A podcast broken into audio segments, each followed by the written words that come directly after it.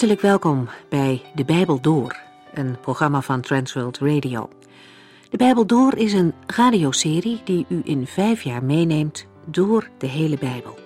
Van Genesis 1 tot Openbaring 22.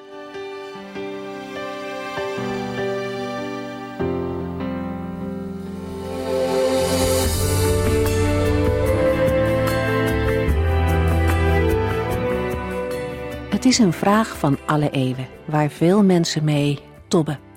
Is ziekte of lijden een straf van God? Al in de tijd van de Bijbel twijfelden de mensen hier wel eens aan. Voor de fariseeën was het duidelijk. Als iemand iets ergs overkwam, dan was dat de straffende hand van God. De vorige keer hoorden we hoe de Heer Jezus daar zelf over dacht. Er waren 18 mensen omgekomen bij een ongeluk in Siloam, Bovendien had Pilatus enkele Joden laten doden. Waren zij slechter dan andere mensen, zodat God hen strafte? De Heer Jezus legt uit dat het niet zo werkt. Mensen die iets ergs meemaken, zijn niet slechter dan anderen. Iedereen kan wat overkomen. De Heer haalt er wel een boodschap uit. Een waarschuwing waaruit zijn liefde spreekt en zijn verlangen om mensen te redden. Hij zegt, als het vandaag voor u nou eens de laatste dag is, is het dan in orde tussen God en u? Want als dat niet zo is, loopt het niet goed af op den duur. Hij gaat verder en wijst de mensen erop dat ze moeten letten op de signalen die aangeven dat het einde van de tijd dichterbij komt. Sluit je ogen daar niet voor, maar probeer te zien of de komst van de Heer Jezus dichtbij is. In Lucas 13 zagen we verder dat de vijandschap tegen Christus toeneemt. Er is voortdurend kritiek. Bijvoorbeeld als hij een vrouw op de Sabbat geneest. De vrouw eert God, maar de leidinggevenden in de synagoge staan klaar met kritiek. Jezus stelt hun huichelarij aan de kaak. Hij laat opnieuw zien waar het echt om gaat. Gods wetten zijn bedoeld om de relatie met God en met andere mensen goed te laten functioneren Wanneer Gods woord alleen maar wordt gebruikt om over te discussiëren, dan helpt dat niemand. De Heer Jezus wijst steeds weer terug naar de echte bedoeling van God en van de wet. Ondertussen zien we Jezus in het Lucas-evangelie verder gaan op zijn weg naar het kruis bij Jeruzalem. Hij is vastbesloten om zijn moeilijke opdracht tot het einde toe te vervullen.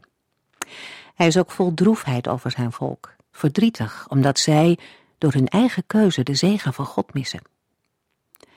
Ontroerend zijn zijn woorden. Och, Jeruzalem, Jeruzalem, de stad die stenen gooit naar de mannen die gestuurd zijn om haar te helpen.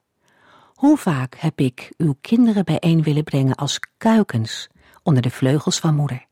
Maar u wilde niet. Laten we kijken naar het vervolg van de weg die Jezus gaat in Lucas 14.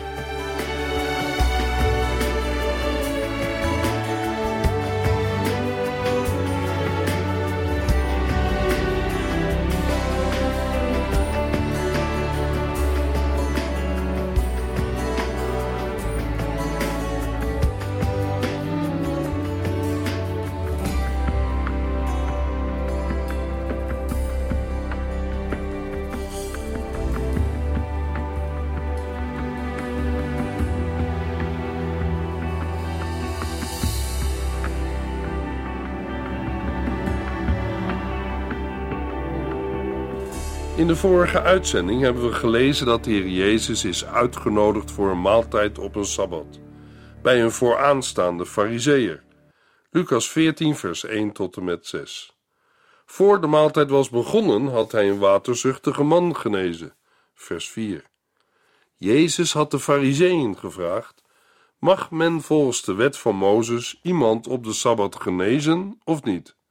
Maar er kwam geen antwoord. Zij zwegen in alle talen. Toen de zieke man genezen was, stelde Jezus een tweede vraag. Als uw zoon op een sabbat in een put valt, haalt u hem er toch ook uit? En een koe laat u er ook niet in liggen? Het bleef stil, want we lazen in vers 6: ze wisten niet wat ze moesten antwoorden. Lucas 14, vers 7. Het was hem opgevallen dat de gasten allemaal op de beste plaatsen wilden zitten. Daarom gaf hij hun deze raad. Bij het aan tafel gaan is het Jezus opgevallen dat de gasten allemaal hun best doen om de voornaamste plaatsen te bemachtigen. Nadat alle genodigen hun plaats aan tafel hebben ingenomen, houdt de Heere hun een gelijkenis voor. Lucas 14, vers 8. Als iemand u uitnodigt op een bruiloft, ga dan niet op de beste plaats zitten. Stelt u zich voor dat de gastheer iemand heeft uitgenodigd die belangrijker is dan u. Dan zal hij naar u toe komen en vragen: Wilt u alstublieft plaats maken voor deze gast? Dan staat u voor schut en moet u genoegen nemen met een plaatsje dat nog over is. U kunt het beste de minste plaats uitzoeken. Misschien zegt de gastheer dan wel: Vriend, u kunt deze plaats nemen, die is veel beter. Jezus roept het beeld op van een gastmaal ter gelegenheid van een bruiloft. Het is een andersoortige maaltijd dan waaraan zij net zijn begonnen.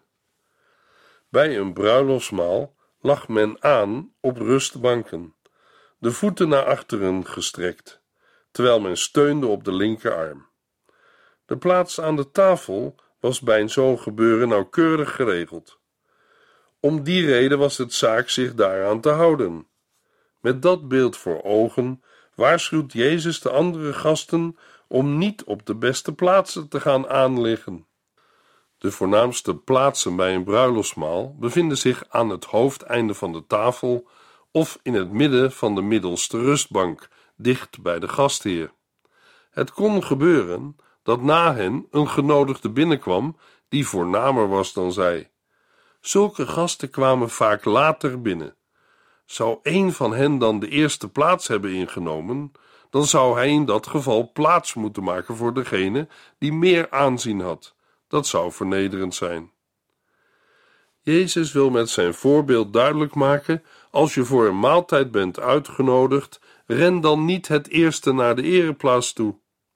De gast hier kan iemand anders in gedachten hebben voor die plek. In dat geval moet hij naar je toe komen en vragen of je op een andere plaats wil gaan zitten. Om naar een lagere plaats op te schuiven, hoef je vaak maar één plek op te schuiven. Maar dat is wel een vernedering. Jezus geeft de aanwezigen onderwijs in omgangsmanieren. Goede manieren zijn belangrijk. In de situatie van de Heer Jezus zijn de goede manieren precies het tegenovergestelde van wat de genodigden hebben laten zien.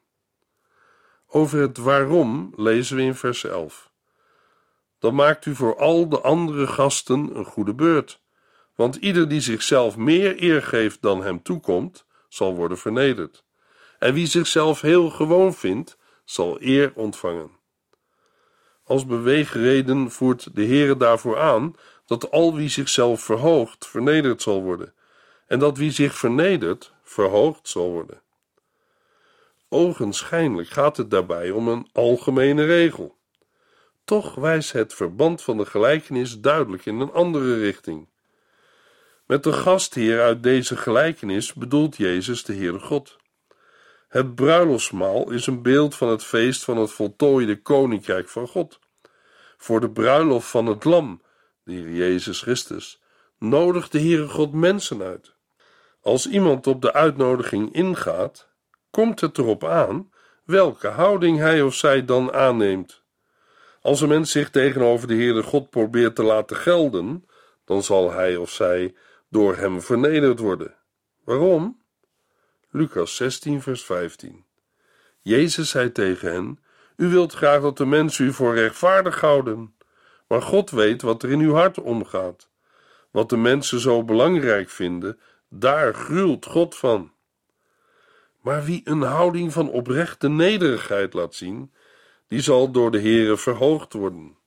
Met zijn uitspraak stelt Jezus de hoogmoed en de ijdelheid van de Bijbelgeleerden en Fariseeën aan de kaak. Lucas 14, vers 12 tot en met 14. Jezus zei tegen zijn gastheer: Wanneer u mensen uitnodigt bij u thuis te komen eten, vraag dan niet uw vrienden, broers, familieleden of rijke buren want die kunnen u op hun beurt ook weer uitnodigen. Nodig in plaats daarvan de armen, kreupelen, lammen en blinden uit. Die mensen kunnen u niets teruggeven. Daarom zal God u belonen, als de rechtvaardigen weer levend worden. Richtte de Heer Jezus zich tijdens de maaltijd eerst tot de genodigden, nu spreekt hij speciaal de gastheer aan. De heiland stelt het uitnodigingsbeleid voor gasten aan de orde. Luisteraar, kunt u zich de spanning aan deze maaltijd voorstellen? Het begon met de genezing van de waterzuchtige man, ondanks de afkeuring van de Fariseeën. Daarna volgde een les in omgangsmanieren en krijgt de gastheer correctie op zijn uitnodigingsbeleid. Geloof me, de sfeer is gespannen en om te snijden. Niemand doet zijn mond open. Lucas 14, vers 15. Iemand bij Jezus aan tafel hoorde dit en zei: Wat moet het heerlijk zijn in het koninkrijk van God te komen? Een van de genodigden reageert op wat de Heer Jezus het laatste had gezegd. Daarom zal God u belonen als rechtvaardigen weer levend worden. Deze zaligspreking maakt zoveel indruk op hem dat hij spontaan zijn instemming betuigt. Wat moet het heerlijk zijn in het koninkrijk van God te komen? Dat de spreker in dit verband denkt aan het koninkrijk van God, kwam omdat hij Jezus hoort spreken over de opstanding van de rechtvaardigen. Als een mens daaraan deel mag hebben, is hij of zij inderdaad zalig. Daarmee gaf de man uiting aan zijn verlangen om te mogen aanzitten in het koninkrijk van God. Een verlangen dat ook leefde bij de Bijbelgeleerden en Fariseeën. Voor de Heer Jezus was de uitspraak van zijn tafelgenoot aanleiding om zijn woorden aan de gastheer nader uit te leggen. Lucas 14, vers 16 en 17. Jezus antwoordde: Iemand organiseerde een groot feest en nodigde vele mensen uit. Toen alles klaar was, stuurde hij zijn knecht bij hen langs om te zeggen dat ze konden komen. De heiland geeft een toelichting op zijn woorden aan de gastheer in de vorm van een gelijkenis. De gastheer uit de gelijkenis nodigt voor een groot feest veel gasten uit. Het was gebruikelijk dat de gastheer geruime tijd van tevoren een uitnodiging stuurde.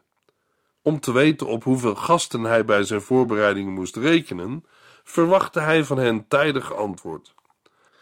Als het voorbereidende werk voor de maaltijd klaar was, stuurde de gastheer zijn dienaar nog eens naar de genodigden, om hen aan de uitnodiging te herinneren. Dat gebeurde tegen het uur dat de maaltijd zou beginnen. Bij deze tweede ronde moet de knecht tegen de gasten zeggen: Kom, want alles is klaar.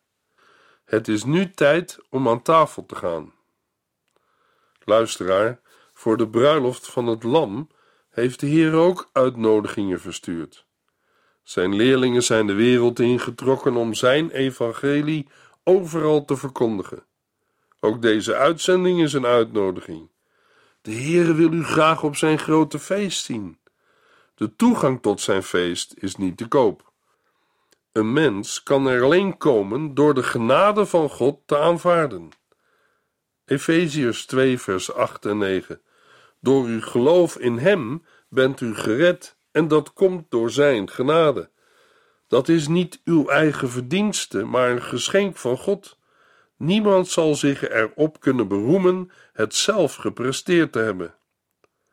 Het enige wat een mens er buiten houdt, is een weigering de uitnodiging van de Heere aan te nemen. U denkt toch niet dat de Heere mensen uitnodigt die toch niet op zijn feest mogen komen? Als de Heer u uitnodigt, dan wil Hij ook dat u op de bruiloft van zijn zoon komt. Het is uw verantwoordelijkheid om te reageren op de uitnodiging van de Heere. Wat zal uw reactie zijn? Lucas 14, vers 18 maar ze hadden allemaal een excuus om niet te komen. De een zei dat hij een stuk land had gekocht en daar nodig moest gaan kijken. Hij verontschuldigde zich dat hij niet kon komen. Toen de voorbereidingen voor het grote feest klaar waren, liet de gastheer de genodigde door zijn dienaar roepen om te komen. Alles was gereed.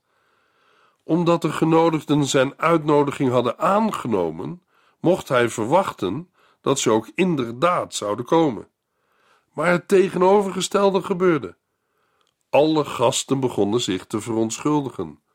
Dat was hoogst onbeleefd en beledigend tegenover de gastheer. De genodigde, die als eerste de uitnodiging afsloeg, voerde daarvoor als motief aan dat hij juist een stuk land had gekocht en dat hij daar nodig moest gaan kijken, en of de gastheer hem om die reden maar voor verontschuldigd wilde houden. Goed beschouwd is het onzinnige verontschuldiging. Misschien moeten we wel zeggen een smoes. Als iemand een stuk land wil kopen, doet hij dat pas als hij de grond nauwkeurig en bij herhaling heeft bekeken. Eerst dan gaat hij over de prijs onderhandelen. Als ze het over de prijs eens worden, wordt de koop gesloten. Lucas 14, vers 19 en 20. De ander zei dat hij net vijf paar ossen had gekocht en die zou gaan keuren. Ook hij kon niet komen. Ook een andere genodigde verontschuldigt zich. Hij laat via de knecht aan de gastheer zeggen: Houd mij voor verontschuldigd. Als reden om weg te blijven geeft de man aan dat hij vijf paar ossen had gekocht. Hij wil de dieren gaan keuren. Maar net als bij de eerste met betrekking tot het land, kan een mens niet geloven dat de man tien ossen koopt zonder dat hij de beesten heeft gekeurd. Luisteraars, ook vandaag moeten we toegeven dat wij mensen vaak zo druk zijn met bezittingen, werk en gezin, dat we geen tijd hebben voor God, geloof en de kerk. Maar op een dag is dat allemaal verdwenen. Weet u nog wat we in Lucas 12, vers 20 hebben gelezen? Maar God zei tegen hem: Dwaas, vannacht zult u sterven. En wie krijgt nu alles wat u achterlaat? Lucas 14, vers 20. Weer een ander was pas getrouwd en daarom verhinderd. Ook een derde genodigde slaat de uitnodiging af. Kort en bondig voert hij als excuus aan dat hij een vrouw heeft getrouwd en dat hij om die reden niet kan komen. Hij vraagt de gastheer niet eens om hem te willen verontschuldigen. Dat deden de andere twee wel. Waarschijnlijk was de man pas in het huwelijk getreden. Ogenschijnlijk heeft hij een goed excuus. De Joodse wet bepaalde dat een pas getrouwde man een jaar was vrijgesteld van militaire dienst. Deuteronomium 20 vers 7 en 24 vers 5. Toch doet zijn weigering vreemd aan. De man komt na afloop van de maaltijd direct weer naar zijn vrouw, die blijkbaar niet was uitgenodigd. Jezus heeft met de drie mensen die weigerden te komen, de Joodse leiders op het oog. Als zij aan het grote feest in het koninkrijk van God willen deelnemen, dan moeten zij eerst met hem brood eten. Hij was de beloofde Messias. Maar de Joodse leiders bedankten voor de eer. En wat kunnen wij met deze geschiedenis? Er zijn genoeg toepassingen te maken. Hoe vaak heb ik mensen horen zeggen: Ik kan niet naar de kerk, omdat zondag de enige dag is die ik met mijn gezin kan doorbrengen. Welke dingen houden u en jou bij God vandaan? Bezittingen, werk of getrouwd zijn? Toch heeft de Heer een kostbare en belangrijke uitnodiging voor u en jou. Hij is geschreven met het bloed van Jezus Christus en nodigt u uit voor de bruiloft van het Lam. Dat is de Heer Jezus Christus, Openbaringen 19, vers 7. Wat gaat u en jij met deze uitnodiging doen? Lucas 14, vers 21 tot en met 24. De knecht ging terug en vertelde het allemaal aan zijn heer. Die was hevig verontwaardigd. Hij gaf de knecht opdracht vlug naar de achterbuurten van de stad te gaan om de armen, kreupelen, lammen en blinden uit te nodigen. Maar toen die er waren, bleek er nog plaats over te zijn. Goed, zei de Heer, ga de stad uit, ga de wegen en de paden op en zoek nog meer mensen. Doe je uiterste best ze hierheen te brengen, want mijn huis moet vol worden. En die ik eerst had uitgenodigd, krijgen niets van alles wat ik had klaarstaan. Met de afwijzing van de uitnodiging is de gelijkenis nog niet af. De Heer Jezus vertelt verder: De knecht brengt de gastheer van de weigering van de genodigden op de hoogte. Het gevolg is dat de gastheer boos wordt. Daar had hij alle reden toe, omdat de genodigden hem met hun afwijzing openlijk beledigden. Toch neemt de gastheer geen wraak. In plaats daarvan geeft hij zijn knecht de opdracht om vlug naar de wegen en paden van de stad te gaan. Er is haast bij, de maaltijd staat klaar. Op de wegen en paden waren de armen, verminkte lammen en blinden te vinden. Daar waren zij aan het bedelen om aan de kost te komen. Hen moest de knecht nu uitnodigen. Hij moest ze brengen naar de zaal waar het feestmaal klaar stond. Zo kregen de misdeelden de plaats van de weigeraars. In vers 24 krijgen de Bijbelleraars en de Fariseeën, met wie hij aan tafel zat, te horen dat niemand van hen die het eerst genodigd waren van zijn maaltijd zal proeven. Door de maaltijd in het koninkrijk van God als zijn feestmaal te bestempelen, geeft Jezus zijn tafelgenoten te verstaan dat hij de Messias is. Lucas 14, vers 25 tot en met 27. Er kwamen heel veel mensen naar Jezus toe. Op een gegeven ogenblik draaide hij zich om en zei: Wie bij mij wil horen, moet meer van mij houden dan van zijn vader, moeder, vrouw, kinderen, broers en zusters. Ik moet hem zelfs meer waard zijn dan zijn eigen leven. Anders kan hij mijn leerling niet zijn. Niemand kan mijn leerling zijn als hij niet zijn kruis draagt en mij volgt. Met deze woorden benadrukt de Heer Jezus dat de toewijding aan Hem zodanig moet zijn dat al het andere op de tweede plaats komt. In andere vertalingen wordt dat aangegeven met dat al het andere wordt gehaat. Lucas 14, vers 28 tot en met 30. Maar begin er niet aan als u niet eerst hebt berekend wat het u gaat kosten. Want wie laat nu een toren bouwen zonder eerst prijsopgave te vragen? Hij moet weten of hij genoeg geld heeft om alle rekeningen te betalen. Anders komt hij misschien niet verder dan de fundering. Iedereen zou lachen en zeggen: Heb je dat gezien? Die man die begon te bouwen en moest halverwege ophouden omdat hij niet genoeg geld had. Leerling van de Heer Jezus Christus zijn is iets waar een mens goed over na moet denken. Met het kruis dragen en hem volgen werd in de vorige vers al aangegeven dat het gaan met Christus niet de gemakkelijkste weg is. Het is de smalle weg naar zijn heerlijke toekomst. Daarbij moet hij de eerste zijn, anders kunt u, jij en ik, zijn leerling niet zijn.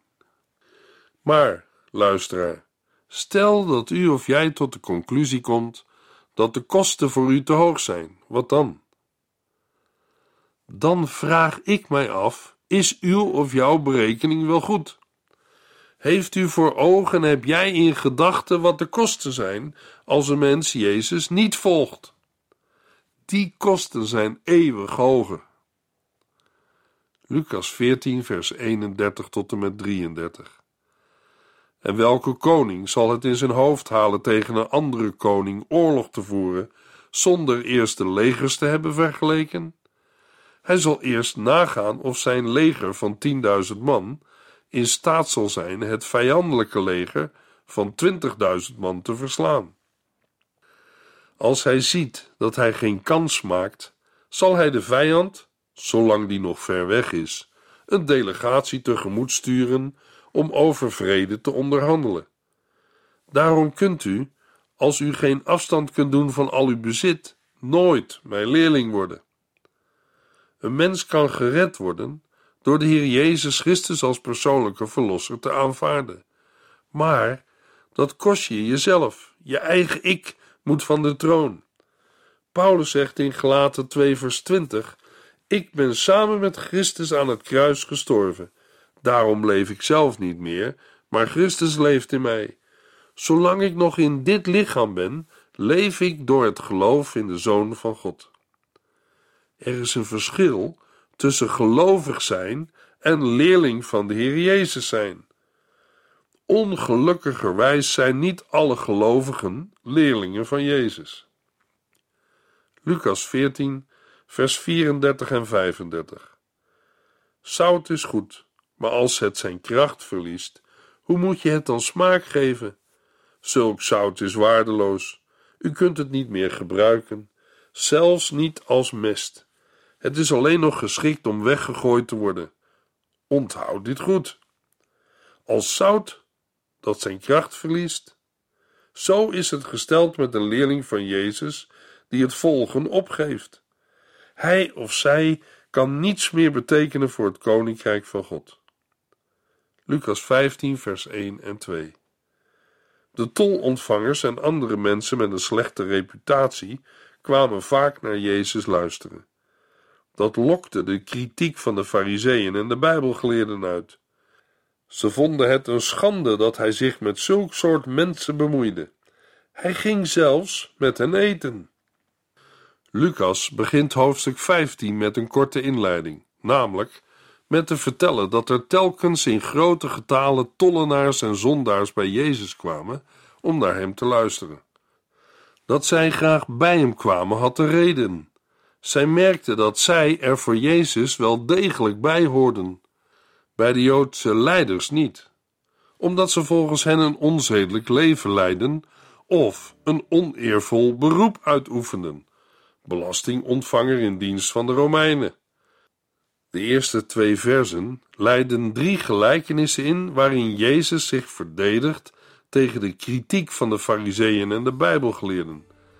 Dat hij zich met zulk soort mensen bemoeide was een schande. De gelijkenissen vormen een soort drieluik. Daarover meer in de volgende uitzending.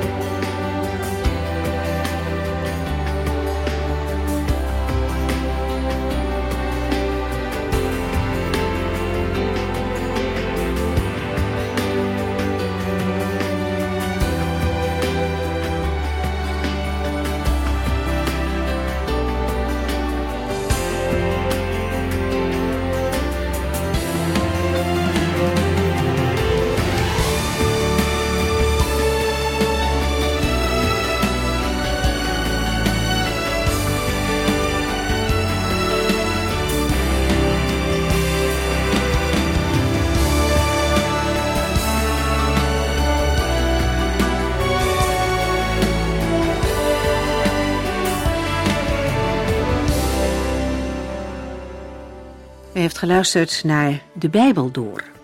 In het Nederlands vertaald en bewerkt door Transworld Radio. Een programma waarin we in vijf jaar tijd de hele Bijbel doorgaan. Als u wilt reageren op deze uitzending of u heeft vragen, dan kunt u contact met ons opnemen. Tijdens kantooruren kunt u bellen op 0342 47 8432. 0342 47 8432. 32. Ook kunt u een e-mail sturen naar de Bijbel door transworldradio.nl en natuurlijk kunt u ook via de post ons bereiken. TWR, postbus 371, postcode 3770, AJ in Barneveld. Dit programma werd gepresenteerd door Cor Weda en Ike André. Techniek was in handen van Odin van Woerdekom. En wij allemaal bedanken u voor het luisteren. Graag tot de volgende keer.